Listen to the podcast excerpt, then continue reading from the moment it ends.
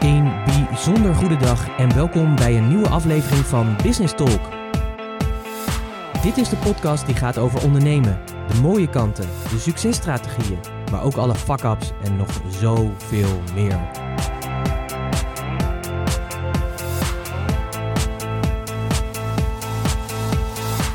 Mijn naam is Pieter Hensen, ik ben de gastheer van deze podcast en in het dagelijks leven ben ik raadgever voor leiders die impact willen maken. En als ondernemer ben jij een leider, dus welkom. Dit is de plek speciaal voor jou, waar je nieuwe ideeën en inzichten krijgt die jij weer kan vertalen als leider van en voor jouw bedrijf. Een moment om dieper door te denken en een plek met real talk. Alles met als doel dat je meer impact hebt. Dus let's talk business. Een bijzonder goede dag en super fijn dat je weer luistert naar een nieuwe aflevering van Business Talk. En deze keer een, een hele bijzondere eigenlijk. Want uh, ik heb heel erg zitten twijfelen over de titel die ik deze keer zou gebruiken voor deze podcast. Ik had kunnen kiezen voor wat zou je doen als je 2 miljoen potentiële klanten hebt en maar ruimte hebt voor 7000. Wat doe je dan? Ik heb ook zitten nadenken over uh, de thema reinvent yourself en dan reinvent yourself, want dat is van toepassing op deze podcast. Ik ben uiteindelijk gekomen tot de titel als ja, challenge the status quo. Dus, dus, dus alles wat je weet en kent op jouw vakgebied in je ondernemerschap, als je dat nou eens helemaal opnieuw zou challengen, als je bij alles wat je daarin doet, vragen stelt van, hey, klopt dat eigenlijk wel? En wat is het eigenlijk wat ik aan het doen ben? En wat is het echt? Weet ik echt, zeg maar, wat ik aan het doen ben? En wat kan ik daarin ja, opnieuw uitvinden? we zeggen wel eens vaker, zeg maar, van... Hey, het wordt tijd om mezelf opnieuw uit te vinden. Maar als je dat nou echt eens zou doen... Als je eens even stil zou gaan staan en het moment zou nemen... en is ja, alles wat je weet en alles wat je kent als je dat nou eens in twijfel zou trekken en zeggen van hé, hey, wat weet ik eigenlijk? Wat ken ik eigenlijk? Wat doe ik eigenlijk? Wat voeg ik eigenlijk echt voor waarde toe? En dan kan ik me voorstellen dat je nu nadenkt, ja Pieter, uh, mooi, ik weet dat je een leergang filosofie volgt. Waar gaat dit heen?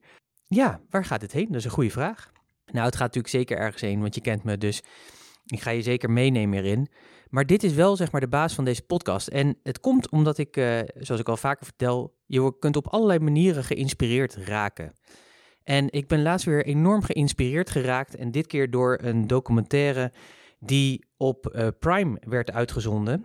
En uh, die gaat over El Bulli.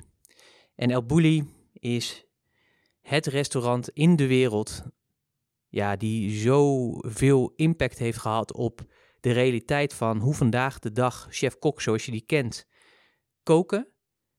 Um, unbelievable. En het toffe is, is dat ze, er is dus een documentaire over gemaakt over dat restaurant wat al een uh, hele tijd bestaat. Het is al uh, lang geleden opgericht. In 1956 wordt er een stukje land gekocht.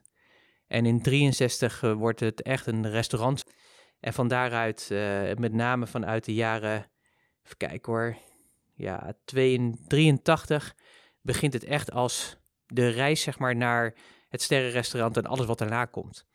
En uh, deze serie, want ik uh, volg El Bulli al een tijdje, het bestaat ook al niet meer, het restaurant, het is dicht. Uh, maar ze hebben wel iets bijzonders gedaan. En de chef-kok, Ferran Andrei, ja, dat is gewoon een hele bijzondere man. Deze man heeft echt letterlijk, letterlijk, letterlijk gewoon de hele ja, cuisine, de hele manier hoe wij koken, hoe we denken over eten, heeft hij opnieuw uitgevonden. En hij heeft dat echt letterlijk gedaan met zijn team. Uh, zijn broer zit er onder andere bij, uh, maar ook een vast team van mensen. En wat ik mooi vond aan deze documentaire, en daar wil ik het ook daarom met je over hebben, en het heeft mij ook enorm geïnspireerd over hoe ik verder de toekomst inga. Uh, ook met ons bedrijf en bedrijven. En ik ga er zo wat meer over vertellen. Want we hebben 1 maart van afgelopen jaar, 2021, hebben we ons 11-jarige bestaan gevierd. En um, het mooie is, is dat we hebben besloten om op 1 april, om gewoon ook letterlijk, um, nou ja, de winkel is natuurlijk open, maar we gaan de tent wel verbouwen. En dat heb ik ook al eerder wel aangekondigd. Maar ik ben ook geïnspireerd door deze documentaire. Uh, want het heeft mij doen besluiten om negen maanden de tijd te nemen om een eigen laboratorium op te richten en in te gaan richten waarin ik samen met Annemieke en nog een aantal teamleden gaan experimenteren. Gaan nadenken over wat we aan het doen zijn, wat we willen doen. En letterlijk ons nieuw opnieuw uitvinden. En uh, we zeggen het natuurlijk vaak dat we dat doen, maar hoe vaak doe je het echt? En ja, dat wil ik je eigenlijk ook meegeven in deze podcast, om ook eens na te denken over waar ben je mee bezig op dit moment? Ben je echt, echt het verschil aan het maken? Of ben je gewoon aan het rennen? Ben je iedereen aan het nalopen? Want dat is natuurlijk ook wat er gewoon gebeurt. Hè? Dat zie ik natuurlijk ook heel veel. En ik moet zeggen dat me dat ook steeds meer irriteert, om heel eerlijk te zijn, dat de creativiteit en de eigenheid en de echtheid steeds minder aanwezig is. Ik zie dat ook heel veel bij mijn collega ja, business coaches wordt het genoemd. Nou, ik ben, uh, ik, ik, het voelt voor mij heerlijk om daaruit te stappen, zeg maar, om te zeggen, ja, op die manier ga ik er niet meer in zitten, want die wereld, ja, die is zo leeg geworden, zeg maar, die is zo weinig zeggend geworden. En uh, niet omdat ik van uh, ondernemers hou en omdat ik ze graag help, zeg maar, bij de next level bereiken, maar vooral omdat ik gewoon heel erg zie dat er zo weinig creativiteit is, zodat er zo weinig echt, echt het verschil wordt gemaakt. Omdat men allemaal elkaar aan het nalopen is. En ik ben daar natuurlijk uh, absoluut geen uitzondering in. Ik heb dat natuurlijk ook gedaan. Ik heb natuurlijk ook om me heen gekeken, ook naar mijn mentoren, ook gekeken wat ik daarvan kan leren. En daar is natuurlijk helemaal niks mis mee, hè? want je kan natuurlijk heel goed modelleren. En vanuit dat modelleren kun je kijken van hoe kan ik dingen tot, ja, toepassen, mijn eigen maken. Echt zorgen dat het in mijn ondernemerschap, in mijn business het verschil gaat maken voor jouw klanten, voor mijn klanten. Uh, maar waar ik steeds meer achter kom, en dat krijg je op een moment dat je ja, op zo'n zo'n kantelpunt staat. Nou, we bestonden vorig jaar tien jaar. En het mooie van tien jaar bestaan is dat je natuurlijk een heel mooi feest wil geven. En toen kwam corona. Die kwam letterlijk, zeg maar. Die kwam letterlijk in die periode dat wij tien jaar bestonden. We bestonden op 1 maart natuurlijk tien jaar. En op 12 maart gingen volgens mij, ik kan me nog herinneren dat ik naar de bioscoop ging met Annemieke smiddags. En dat wij de bioscoop om uh, half zeven, zeven de deur uitliepen en dat de wereld echt veranderd was. Want alle horeca was om zes uur dicht gegaan. De bioscoopvoorstellingen gingen niet meer door. Het was een soort apocalyptisch gevoel wat we erbij kregen. En dat was de realiteit van, oh ja, shit man, er is echt, echt iets gaande. Er, is, er, er gebeurt iets, zeg maar, wat zo uniek en bijzonder is, maar waar we ook zo nog niet van weten wat dat gaat betekenen. En inmiddels zijn we een jaar verder. En dat is ook het fijne daarvan. Althans, wat, wat ik heel fijn aan corona vind, is dat je natuurlijk veel beter bent gaan nadenken. Als het goed is, als dat, dat hoop ik ook dat dat voor jou is dat je veel beter bent gaan nadenken over wat wezenlijk en belangrijk voor je is. En wat ik steeds meer zie gebeuren ook, en dat is echt een ontwikkeling en daar wil ik me ook echt voor gaan inzetten, is dat we weer teruggaan naar slow content. En uh, deze podcast is daar een onderdeel van, want ik weet nog niet hoe lang die gaat duren. Ik heb hem natuurlijk voorbereid, maar er zit ook heel veel freeview in, dus slow content. We zien natuurlijk door social media en door uh, de snelheid zeg maar, van het internet, is dat er heel veel prikkels op ons afkomen. Um, maar wat zie je echt? Dat is mijn vraag. En die echtheid, die begint te ontbreken, die beginnen we te missen. We zien ook een ontwikkeling, uh, en ik denk dat dat, ik denk als we over, nou, wat zullen we zeggen, 10 jaar, 20 jaar, 50 jaar terugkijken, dat we ook echt in een kantelpunt in letterlijk de geschiedenis zitten. Niet alleen door wat we nu meemaken met een wereldwijde pandemie, maar ook gewoon door het feit dat dit gewoon een keerpunt is en dat merk ik ook om me heen, dat steeds meer mensen behoefte hebben aan contact natuurlijk. Want dat hebben we natuurlijk enorm gemist, echt contact. Maar ook echtheid willen hebben. ik denk dat daardoor ook uh, initiatieven, uh, nieuwe initiatieven uh, als Clubhouse en dat soort dingen weer naar boven zijn gekomen, omdat we iets, iets mist. Alleen wat je daar natuurlijk ook in, in ziet, zeg maar, ook weer bij zo'n app als Clubhouse. Het is supergoed bedoeld, het idee is fantastisch. Alleen het gaat natuurlijk ook weer missen, want ja, alle ondernemers die nemen daar natuurlijk hun kansen in.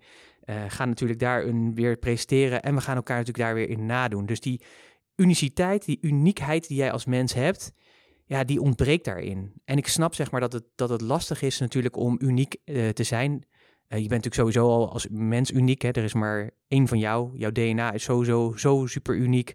Dat, dat, dat het komt niet voor dat er nog één van jou daarin is. Um, dus daarin ben je gewoon al uniek. Je bent gewoon een uniek wezen. Dus ik zou ook echt zeggen, en dat is ook echt mijn leerpad van de afgelopen tien jaar. En daarom was ik ook zo geïnspireerd door deze documentaire. En het is echt een aanrader om die te kijken op Prime. Het heet El Bulli.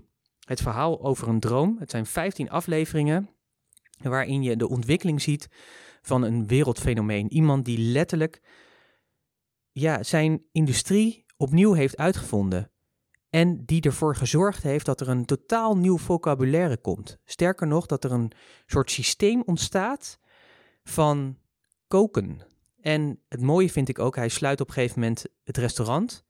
En dan gaat hij ook nadenken over, ja, wat weet ik nou eigenlijk? Hè? Dan moet je bedenken, dan heb je dus 25 jaar lang aan de top gezeten. Sterker nog, je hebt de hele industrie veranderd. Ik vind dat ook zo mooi, want in een van die afleveringen zie je ook dat er een aantal ja, wereldsterren van topkoks, zeg maar, die dan in de wereld zitten, die al echt op dat high-end niveau zitten en die ja, al fame hebben, die komen daar eten en die weten gewoon niet wat ze meemaken. Ze weten gewoon niet wat ze meemaken, want deze man met zijn team speelt met voedsel, met elementen daarin, herschrijft natuurwetten, wat eigenlijk helemaal niet mogelijk is, maar hij doet het toch.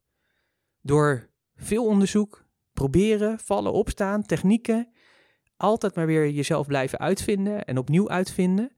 Dat zelfs deze kok zeg maar gewoon helemaal gek worden in hun hoofd, omdat ze niet kunnen bevatten wat ze nou precies proeven en hoe het gedaan is.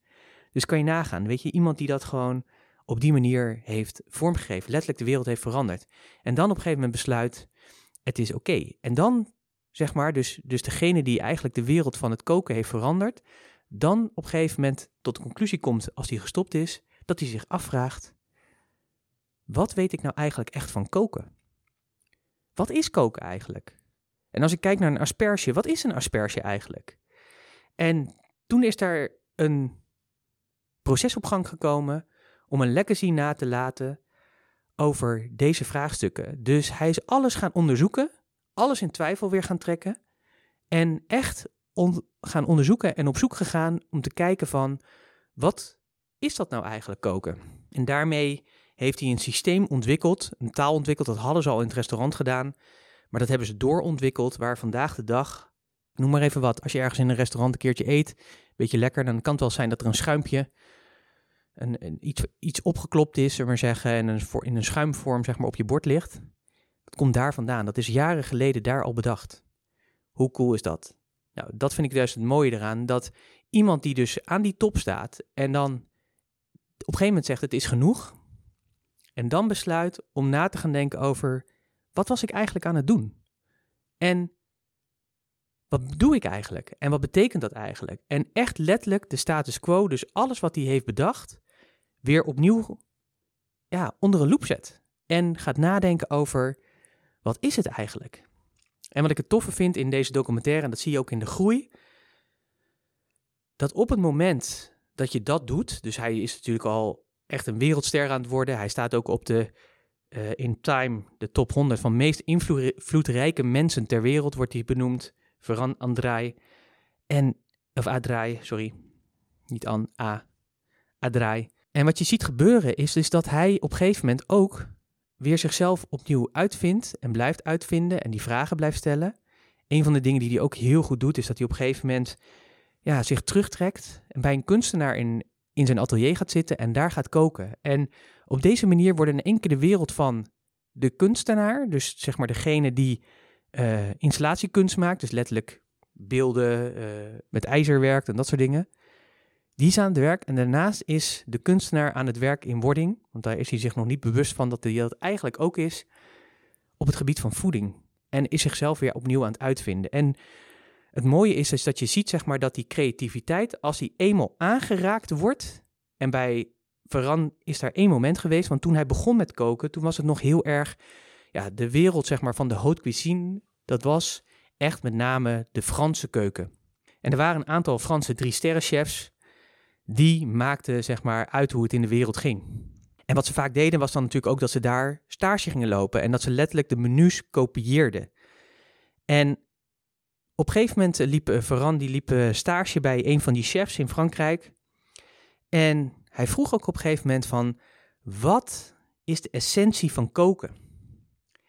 En dit is het pivot moment geweest. En dat vond ik zo fascinerend, want dit is dus het moment geweest dat het antwoord op deze vraag heeft ervoor gezorgd dat er een wereld van creativiteit is ontstaan waar ja, toen nog helemaal geen sprake van was. Het heeft geleid zeg maar tot, het, tot de goedkeuring van iemand om zichzelf te zeggen, yes, ik ga mijn eigen pad volgen. De antwoord op deze vraag was, wat is het toppunt van koken? En die kok die zei, niet kopiëren. Niet kopiëren. En dat, dat heeft er dus voor gezorgd dat hij losging. Want toen klikte er iets in zijn hoofd. Toen begreep hij inderdaad, yes, weet je, ik heb gewoon de vrijheid. Ik kan koken zonder grenzen. Het maakt niet uit. Alles wat iedereen tegen me zegt, ik kan het challengen. Ik kan zelf gaan onderzoeken of het waar is. Sterker nog, ik ga het gewoon bepalen. Ik ben de chef in mijn eigen restaurant. Ik ga koken zoals ik wil vanuit mijn creativiteit. En toen ging het los. Toen is er een schuif opengezet die de mogelijkheden oneindig maakte. Want als er in één keer geen boundaries meer zijn, hè, zoals die Franse chef zeg maar bepaalde ja, wetgeving en wetmatigheden hadden van het koken, als die in één keer wegvallen, ja, fuck man, dan is dus alles mogelijk. En als alles mogelijk is, dan is de creativiteit en de groei ook oneindig. En dat zie je letterlijk in deze documentaire gebeuren. Van die 15 afleveringen die het zijn. En ga hem kijken, want hij is super interessant. Je ziet zeg maar die groei ontstaan. En het houdt dan ook dus niet op. Het houdt dan ook gewoon niet meer op. Want omdat je kan nadenken van, hé, hey, er zijn geen grenzen. Alles wat we geleerd hebben, kunnen we challengen, kunnen we vragen bij stellen. Sterker nog, we kunnen realiteiten creëren die we niet eens weten of het natuurkundig kan. Everything you can imagine is real, zei Picasso. En dat is precies zeg maar wat daar gebeurde. En dat vind ik ook het mooie zeg maar van dat vind ik ook het mooie hiervan en de documentaire die mij er hier zo op inspireerde en dat wil ik jou ook meegeven is dus er zijn geen wetmatigheden. Ook niet in het ondernemen. En als je daar even over nadenkt, en je moet dat echt even op je laten indringen, dus er zijn geen wetmatigheden in het ondernemen. Dat betekent dus, als ik dat zeg, en je denkt daar even over na, dat dit precies dezelfde vraag of antwoord is als wat Ferran aan die drie sterrenchef, die Franse drie sterrenchef, vroeg: wat is de essentie van koken? Wat is de essentie van ondernemen? Wat is de essentie van leven? Wat is de essentie van jouw creativiteit? Wat is de essentie van jouw zichtbaarheid? Wat is de essentie van jouw kwaliteiten en waardes? En dat is niet kopiëren, want er zijn geen grenzen. En dat vind ik zo gaaf, zeg maar, dat dat, dat opende echt mijn ogen als je daarover nadenkt. Dus misschien zit je nu, als je luistert, heb je het gevoel dat je vastzit in je onderneming. En heb je het gevoel dat je dingen moet doen zoals je geleerd bent dat te doen, omdat het nou eenmaal zo werkt. En uh, heb je het gevoel dat je en heb je het gevoel dat je wel een goed draaiend bedrijf hebt, maar heb je niet het gevoel dat je 100% vrij bent in je creativiteit om die waarde te leveren en te doen zoals jij denkt dat de wereld echt in elkaar steekt. En daarmee echt het verschil maakt. Omdat je bang bent wat anderen allemaal van je zullen zeggen en vinden. Of omdat je ja, gewoon niet beter weet eigenlijk. Maar diep van binnen voel je die creativiteit. Diep van binnen voel je dat verlangen om echt te gaan doen waarvoor je hier gemaakt bent. En eigenlijk zou je het liefst ook het op een andere manier doen. En als je dat ervaart en dat voelt, dan is deze podcast absoluut voor jou. Want dan zou ik zeggen, durf eens eerlijk in de spiegel te kijken. Kijk jezelf eens aan. Kijk eens in de ziel van je ogen. Of kijk eens in je ogen en zie je eigen ziel. En bedenk dan, er zijn geen grenzen. Niets in het ondernemerschap wordt geacht om op een bepaalde manier gedaan te worden. En ik moet je zeggen, en je hebt natuurlijk veel van mijn podcast geluisterd en je hoort daar bepaalde principes in die ik daarin weergeef. En ik laat dat nu allemaal los. Ik laat die principes allemaal los. Ik ga de komende tijd ook al die principes die ik mijzelf heb geleerd over doelen stellen, over consistentie. Hè, dat heb je nu al gemerkt in deze podcast. Normaal was hij er elke week al altijd. En nu komt hij af en toe eens voorbij, omdat ik gewoon het gevoel heb dat ik alleen zeg maar in die slow content wil geven dat wat ik ook echt te brengen heb. Als ik echt iets te zeggen heb, echt iets heb mee te geven, dan maak ik die podcast en dan inspireer ik je weer en zet ik je aan tot denken en wil ik dat je actie onderneemt. En daarom is deze podcast er ook, omdat ik dit heb gezien en zelf heb ervaren wat een rijkdom het is als je dus al die grenzen, letterlijk in je leven, maar ook gewoon in je ondernemerschap, de manier hoe jij vindt dat het moet, of hoe anderen vinden dat het moet, dat je dat los kan laten en dat je daar je vraagtekens bij kan stellen. En sterker nog, dat je daar dus op een andere manier mee om kan gaan.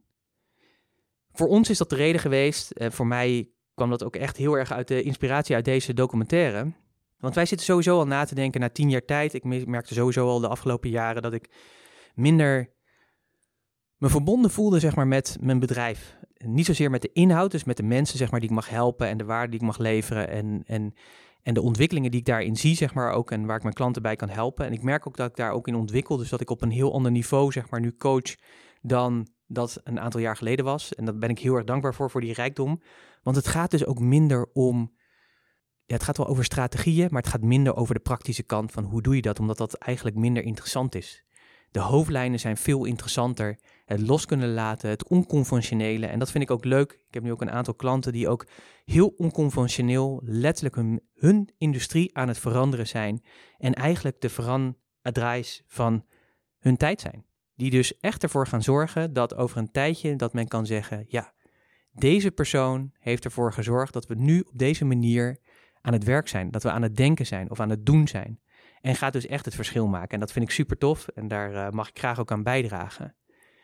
En dat vind ik ook het mooie en dat heeft mij dus ook geïnspireerd. Want een van de dingen die ze bij El Bulli deden, is dat ze op een gegeven moment besloten om een half jaar open te zijn en een half jaar dicht. En in dat half jaar dat ze dicht zijn, dat ze letterlijk allerlei dingen in een laboratorium, hun eigen laboratorium, aan het ontwikkelen waren. Dat ze champignons, allerlei verschillende soorten, op allerlei verschillende soorten manieren bereiden. En al die smaken, wat daaruit naar voren kwam, leverde input op om uiteindelijk een menu samen te stellen. Niet een individueel gerecht, maar echt een menu, een reis, een boodschap, een kunstvorm. En het mooie is, is dat ze daar ook een filosofie achter hadden zitten. Wat ik vertelde, ze hebben een vocabulaire ontwikkeld waarin ze hebben aangegeven hoe zij naar de wereld kijken. En hoe ze die wereld anders hebben vormgegeven. En dat hebben ze gedaan door een eigen vocabulaire, een eigen systeem over hoe zij een menu opbouwen. Daar hebben ze een filosofie over. En die filosofie hebben ze later helemaal uitgebouwd in een soort, ja, Bullipedia noemen ze dat. Dus eigenlijk een soort Wikipedia over voedsel en hoe, hoe elk product aan zich zou kunnen zijn. Of daar hebben ze een hele wereld in ontwikkeld, een hele taal in ontwikkeld. En dat is ook het mooie van het hele verhaal, is dat ze dat dus ook op die manier hebben vormgegeven en gedaan. En het, toffe daarvan is, is dus in dat laboratorium telden ze dat dus helemaal samen. Dus ze waren een half jaar dicht. In dat half jaar experimenteerden ze om vervolgens een menu neer te zetten van 38 tot 50 gangen. Moet je je voorstellen, 38 tot 50 gangen. Waarin je een opbouw hebt die, ja, die mindblowing is. Ik vind het zo jammer, zeg maar, dat ik uh, pas later erachter kwam dat deze wereld bestond. Ik kende El Bulli al wel langer hoor.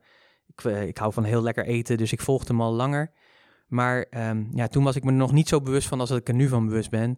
Maar anders was ik daar zeker. Had ik echt wereld, hemel en aarde bewogen om daar te kunnen gaan eten. En daarom zei ik ook, het is zo bijzonder als iemand zo conventioneel goed is, dat je zo aan het groeien bent, dat je zo ja, boven eigenlijk de top staat, dat je eigenlijk een hele nieuwe realiteit, een heel nieuw universum zelf creëert. En dat je daarmee dus mee een van de invloedrijkste mensen ter wereld wordt. En daardoor dus dat het ook ontstaat, dat vanuit die creativiteit, omdat je dus hebt durven loslaten, alles wat je hebt geleerd en letterlijk zeg maar bent gaan doen en bent gaan onderzoeken en bent gaan ja, in twijfel trekken dat wat je weet, ook al heb je het onderzocht. En dat je bent gaan nadenken over wat je nog meer zou willen, wat eigenlijk niet zou kunnen. Want zo hebben zij ook dingen ontwikkeld, bepaalde geleis, die eigenlijk alleen maar koud konden. En ze hebben toch met bepaalde producten het voor elkaar kunnen krijgen om geleis ook warm op te dienen. Dus dat je iets in een, in een vierkantje hebt, wat uiteindelijk ook warm is, zonder dat het uit elkaar valt. Want ja, geleis smelt zeg maar bij warmte. Dus dat is bijzonder, hè? dat ze dus hebben nagedacht, we willen dit, ze zijn net zo lang doorgegaan tot ze de uitvinding tegenkwamen. En soms was het heel erg simpel. Een bepaald bindmiddel, wat gewoon uit de natuur kwam. Wat ze hebben toegevoegd, waar ze mee zijn gaan experimenteren. En wat uiteindelijk heeft opgeleverd dat dat wat ze bedacht hadden, dat dat ook daadwerkelijk lukte. En dat vind ik het mooie, zeg maar. Zij namen ook de tijd, en dat zie ik ook heel vaak in het ondernemerschap, zeg maar, niet gebeuren. Zij nemen dus elk jaar de tijd, althans inmiddels is het restaurant dicht, maar toen namen ze dus elk jaar de tijd om een half jaar open te zijn. Een half jaar, ja, elke dag gewoon vol zitten. En dan een half jaar dicht. En in dat half jaar experimenteren om een nieuw curriculum samen te stellen, een nieuw menu samen te stellen, waarmee je weer je klanten ja, nog meer gaat verbazen, nog meer wauw, nog meer impact maakt in deze wereld. En hoe cool is dat? En dat vond ik ook zo mooi. En dat vond ik ook een belangrijke les. Want we doen dat eigenlijk te weinig als ondernemers. We zijn vaak zo te veel aan het doorrennen en lopen. En als dingen werken, dan gaan we er helemaal voor en door. Maar eigenlijk zou het veel interessanter zijn om ook af en toe gewoon eens letterlijk de winkel dicht te doen. En gewoon eens ja, te heruitvinden, te, opnieuw te creëren. Alles is onder de loep te nemen wat je de afgelopen tijd hebt gedaan. En is te gaan kijken van wat kan ik daarin verbeteren. Waardoor ik nog meer van waarde kan zijn voor mijn klanten. Waardoor ik nog betere resultaten voor mijn klanten kan neerzetten. Waardoor ik nog meer impact kan hebben dan dat ik nu al heb. En dat vind ik het tof en dat heeft mij ook echt geïnspireerd. Dus uh, dat lab, dat heb ik ook bedacht. Ik heb ook tegen Annemieke gezegd, wat zou je ervan vinden als wij op 1 april gewoon besluiten om wel met de één op één klanten door te gaan. In de groepsprocessen dat anders te gaan vormgeven. Dus de, de online programma's die we hebben, dat we dat en de structuur, de infrastructuur van coaching en begeleiding, dat we die anders neerzetten, waardoor we heel veel vrijheid krijgen. En van daaruit negen maanden de tijd nemen om letterlijk onszelf opnieuw uit te vinden. Dus we hebben Puurslap opgericht. We hebben daarvoor een andere ruimte ook gehuurd. Om te zorgen dat we daar ook lekker kunnen experimenteren, kunnen nadenken, kunnen onderzoeken, kunnen lezen, kunnen schrijven. Ik denk dat ik daar ook wel eh, veel van podcasts zal gaan maken over alles wat ik daarin tegenkom. Daar ga ik je zeker in meenemen, dat eh, beloof ik je. Dus ik zal uh, waarschijnlijk vanuit die energie meer gaan podcasten, omdat ik je daarin uh, ja, wil laten weten wat we aan het doen zijn. Maar misschien ook niet. Misschien is het ook wel dat ik denk van ja, dit is, uh, dit is nog niet relevant. Of ik vind het eigenlijk wel fijn om dit proces gewoon nog even voor me te houden en dan daar later op terug te komen. Maar links of rechtsom, je gaat het meemaken. Een van de dingen die we ook besloten hebben in het kader van Reinvent Yourself, en dat zie je hier ook, is dat we hebben besloten om de naam Puurst, om daar afscheid van te nemen. Na tien jaar tijd heeft hij ons gediend, maar in de ontwikkeling waarin we zitten, wordt het ook tijd voor een nieuwe naam. Inmiddels hebben we die nieuwe naam ook. Die gaan we nog niet onthullen, want we zijn ook met een branding traject bezig om daar weer een hele nieuwe huisstijl, nieuwe website en alles eromheen ontwikkelen. Maar daar nemen we de tijd voor. He, voorheen zouden we dat allemaal heel snel doen en je wil natuurlijk dat naar buiten brengen en dat soort dingen. Maar nu hebben we juist besloten om lekker de tijd te nemen. Om die negen maanden ook te nemen. Om dat hele brandingproces en die website te bouwen. En de tijd ook te nemen om te experimenteren met waar gaan we naartoe? Wat gaan we echt doen? Om alle kennis die we in de afgelopen 10, 15 jaar tot ons hebben genomen in ons ondernemerschap.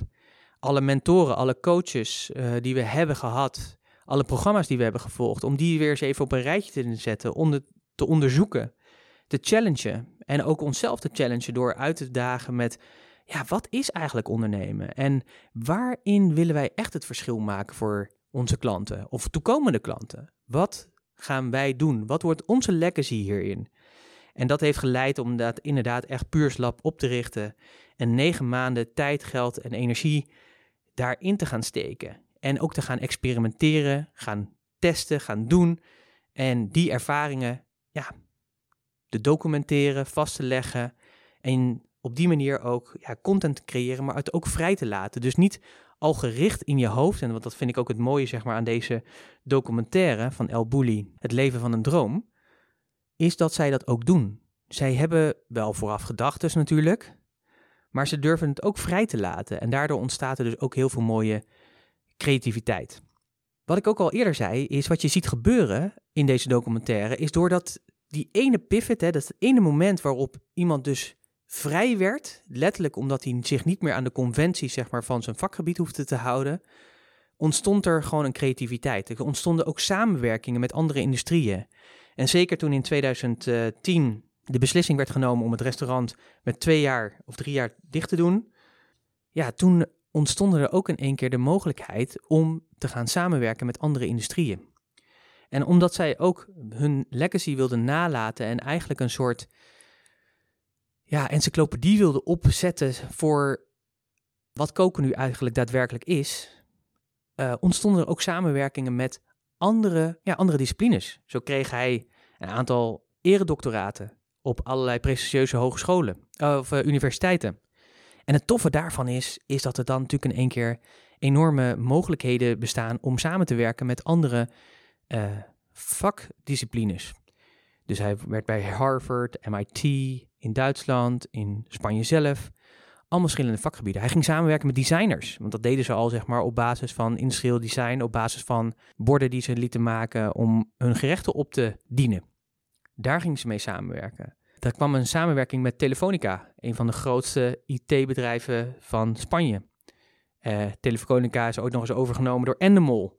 Nou, die kennen we natuurlijk ook allemaal van Joop van den Ende en uh, John de Mol. Inmiddels is dat niet meer zo, maar het mooie was dat al die samenwerkingen, die leidden er naar dat er op een gegeven moment iets ontstond over wat kun je creativiteit, en dat vond ik ook het mooie, en dat is zeg maar de ontstaansgeschiedenis. Dus het ging in eerste instantie ging het over koken, toen ging het over een soort curriculum neerzetten waarin wereldwijd we een gezamenlijke nieuwe taal hebben over koken en hoe we dat doen. En toen ging het in één keer over creativiteit. En wat ik daar ook het mooie aan vind, is dat hij dus ook een aantal exposities heeft gedaan in musea, waarin ze wat vertelde over hun creativiteit en hoe zij tot menus komen en dat soort dingen. En uiteindelijk is daar de vraag ontstaan, en dat was nog niet eerder gedaan, en dat vind ik ook zo fascinerend, dat er dus nog iets uitgevonden kan worden wat er nog niet eerder is gedaan, is kun je het proces van creativiteit, kun je dat wetenschappelijk vastleggen? En dat is natuurlijk een hele boeiende, want in alle vakgebieden is er een wetenschappelijke basis. Dus er zijn er modellen, zijn er cijfers, zijn er strategieën die allemaal bewezen zijn, die gevolgd worden. Er zijn natuurwetten, et cetera, et cetera. Maar voor creativiteit, voor creativiteit was dat dus nog niet vastgelegd. En met al die disciplines, dus de kunst, met de industrie, met ontwerp, met architectuur, met business, met filosofie, noem maar op. Alle disciplines werden erbij betrokken om te kijken van, als we vanuit die perspectieven allemaal kijken, en we kijken zeg maar naar wat hij heeft gecreëerd zeg maar in creativiteit en het proces van creativiteit, kunnen we dan creativiteit als een wetenschap neerzetten? Kunnen we er een wetenschappelijk model van maken? Dat je een aantal logische stappen hebt die een bepaalde uitkomst geven. En dat is natuurlijk ook fascinerend. Hè? En dat vind ik ook het mooie eraan. Dus dat je ziet, zeg maar, dat hoe het dus ooit begon. In begin jaren tachtig, als gewoon een kopierestaurant, omdat dat gewoon de realiteit was. Tot het creëren van een nieuwe realiteit, waarin vandaag de dag alle topkoks die we kennen hun basis hebben liggen. Heel veel van die topkoks hebben ook bij hem stage gelopen. Dat is ook tof, dat zie je ook in die documentaire terugkomen. En dat dat zich doorvertaalt naar, oké, ik wil ook iets nalaten. Dat was ook echt zijn behoefte. Ik wil echt zorgen dat alle kennis en ervaring die we hebben, dat die voor jonge koks ook ja, door te vertalen zijn. En dat ook gratis beschikbaar stellen. Hoe gaaf is dat, dat je dat wil? Dat ze daar ook een eigen foundation voor hebben opgericht, die dat ook bewaakt. En dat door de samenwerkingen en de bekendheid, hè, dat werd natuurlijk opgepakt, de bekendheid, want genialiteit, op een gegeven moment kun je daar niet meer aan ontkomen, wordt opgepakt en dat andere disciplines erbij worden betrokken. En dat het dus eigenlijk dan niet meer gaat over koken, maar dat het dan dus gaat over kunnen we creativiteit, dus de creativiteit die wij als mensen allemaal hebben, kunnen we dat onderzoeken of dat een wetenschap is. Ja, hoe cool is dat? Hè? Dus als je zeg maar die ontwikkeling ziet door de jaren heen, dus in dit periode van, ja, eigenlijk begin jaren 80 tot vandaag, dus in een periode van, wat zou je kunnen zeggen, 40 jaar, hoe dat zich ontwikkeld heeft. En dat vind ik ook het mooie. Ja, dat fascineert me zo enorm aan deze documentaire. En als je daarover nadenkt, ik ga er heel erg op aan. En ik hoop dat, dat, dat, dat wat ik je mee wil geven, dat dat overkomt. Dat je dus in je ontwikkeling van je ondernemerschap, dat er dus geen grenzen zijn, dat het oneindig is, en dat is ook letterlijk zo. Maar daarnaast, dus dat je dus ook die tijd mag nemen om te zorgen om jezelf opnieuw uit te vinden. En dat vind ik ook zo'n belangrijke. Dus voor ons betekent dat dat we na tien jaar tijd En dat hebben we natuurlijk meerdere keren gedaan. We hebben, we hebben natuurlijk verschillende manieren zeg maar, vormgegeven. We zijn ooit begonnen als algemeen adviesbureau, waar we nog allerlei visietrajecten deden met bedrijven. Toen ben ik gaan intrimmen. we hebben een tijd in de zorg gezeten, op MKB'ers gaan zitten. we hebben trainingen aangeboden. We hebben onze naam veranderd naar Ondernemersacademie. We hebben dat weer teruggebracht. En ehm, ja, we staan nu waar we nu staan. En dat is ook het mooie van die tien jaar tijd. En dat we dus ook nu de tijd kunnen nemen om te zeggen, we gaan onszelf opnieuw weer uitvinden. Daar hebben we heel veel zin in. Ehm, we gaan dat ook niet meer aan de grenzen van Nederland laten zijn. Dus we gaan ook die internationale kant op. Ik denk zeg maar dat we in die periode van het puurslap, dat we ook veel gaan nadenken en veel gaan samenwerken met andere disciplines. Om daarvan te leren. Dus ik denk dan ook bijvoorbeeld aan disciplines als de wetenschap, engineering, de kunstenaar, eh, de filosoof, etc. Om ons te laten inspireren, om vervolgens dan ook echt met een aanbod te kunnen komen die oneindig veel meer impact gaat hebben uh, voor jou als ondernemer zijnde en jouw bedrijf. En een manier van denken waarvan ik denk dat die vandaag de dag nog niet is toegepast. En daar zie ik heel erg naar uit, naar die reis. En ik weet het niet, hè? ik voel het gewoon. Ik voel dat gewoon. Ik voel dat net zo als en ik denk dat daarin ook, zeg maar, ik zo geraakt werd in deze documentaire, is dat ik gewoon voelde, ja, weet je, het is tijd om je nieuw uit te vinden. Het is tijd om te gaan spelen.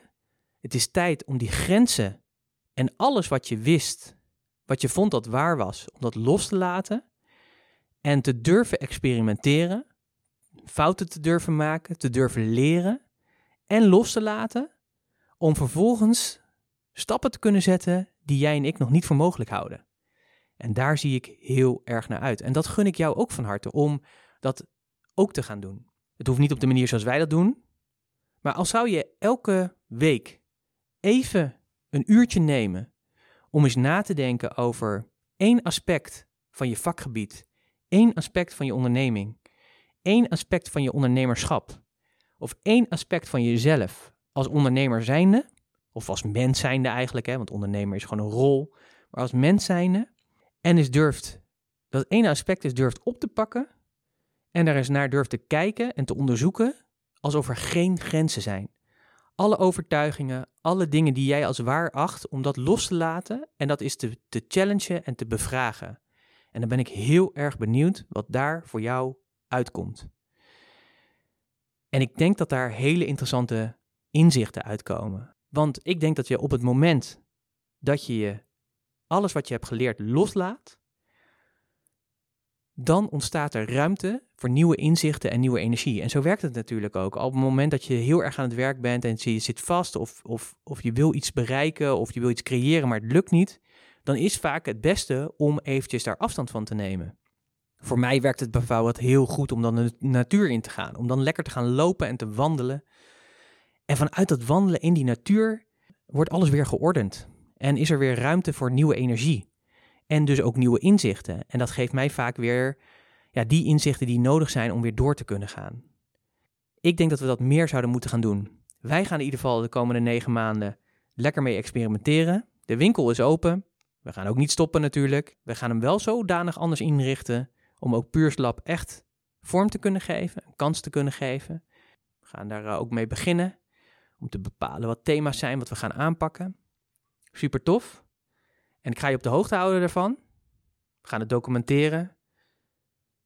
En um, ja, wie weet wat daar uitkomt. Het zou kunnen zijn dat daar een podcastreeks uitkomt. Het zou kunnen zijn dat daar een boek uitkomt. Het zou kunnen zijn dat er een hele documentaire en een film uitkomt. Of misschien wel een combinatie van alles. Wie zal het zeggen? Of misschien wel een heel nieuw platform. Het maakt niet uit. En dat vind ik ook het interessante, omdat dus die grenzen er niet meer zijn voor mij en besloten heb om dat ook los te laten, weet ik één ding zeker. Dit gaat zoveel meer opleveren dan alleen maar in die gebaande paden te lopen, de dingen te doen die je al weet en kent. Natuurlijk, moet natuurlijk wel realistisch blijven, in die zin dat ik kan dit gelukkig doen omdat ik, of elf jaar lang inmiddels, heb gewerkt aan een bedrijf met een bepaalde consistentie, waardoor ook mijn inkomen daarnaar is en ik dit ook dus kan doen.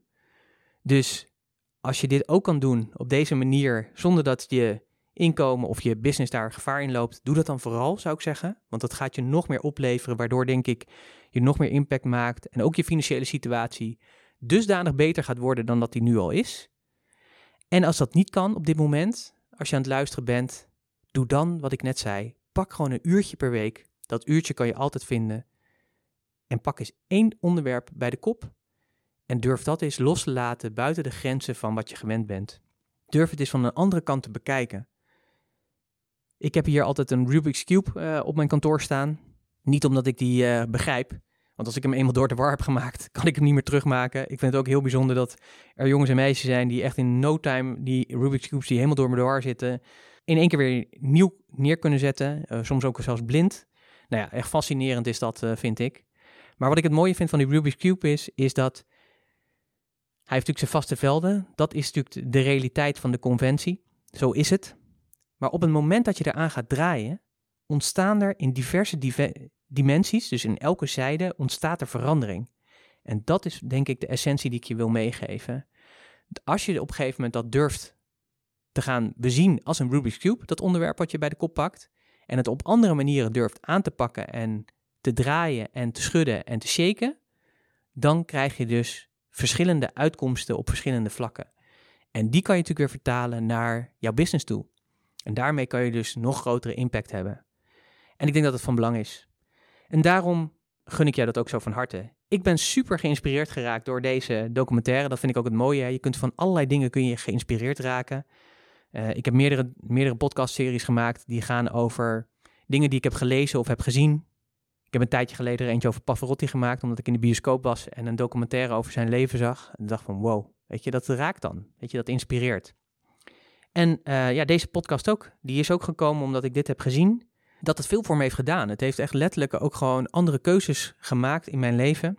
En voor mij was die vrijheid erin inderdaad niet meer kopiëren, maar creëren. En echt vanuit nul. En echt alles te durven challengen. En je eigen lab dus op te richten om daar ook daadwerkelijk mee aan de gang te gaan. Te gaan spelen. Je hebt namelijk niks te verliezen. Er kan alleen maar meer moois uitkomen. Ik hoop dat ik je met deze podcast uh, heb geïnspireerd dat ik je aan het denken heb gezet om voor jezelf ook na te denken over, ja, hoe sta jij erin en wat zou jij hiermee kunnen? En misschien dat je ook wel zegt, ja Pieter, ik kan hier helemaal niks mee. En dat is ook helemaal goed natuurlijk. Dat is ook het mooie natuurlijk van uh, deze podcast. Voor mij is het ook een dialoog. Een dialoog naar jou toe en naar mezelf natuurlijk ook. Uh, mocht je hierop willen reageren, ben je natuurlijk van harte uitgenodigd. Je kunt dat doen natuurlijk op de diverse kanalen waar de podcast uh, verschijnt. Maar je mag me natuurlijk ook altijd mailen. support.puurs.nl en dan ga ik graag met je in gesprek hierover.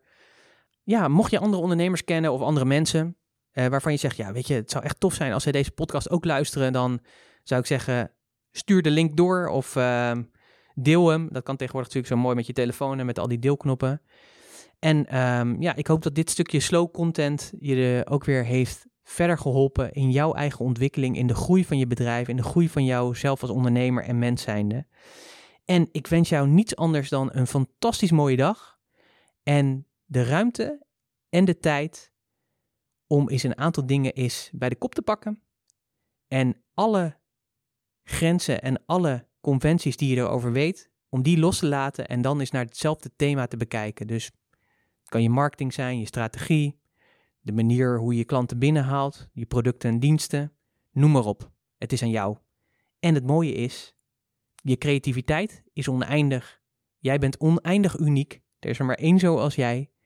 En het toffe is, ja, als je het zelf niet kan of als je het zelf daar moeite mee hebt, zoek dan anderen erbij die je daarbij helpen. Want met elkaar weet je nog veel meer. En uh, ik zou zeggen, ga deze documentaire lekker kijken. Uh, hij is te vinden op Prime. Amazon Prime. El Bulli, een reis van een droom. Absoluut de moeite waard om je te laten inspireren over hoe jij ook jouw reis, je eigen reis van een droom, verder kan vormgeven en brandstof kan geven naar de toekomst toe. Dank voor het luisteren. Ik spreek je graag weer in een nieuwe aflevering van Business Talk.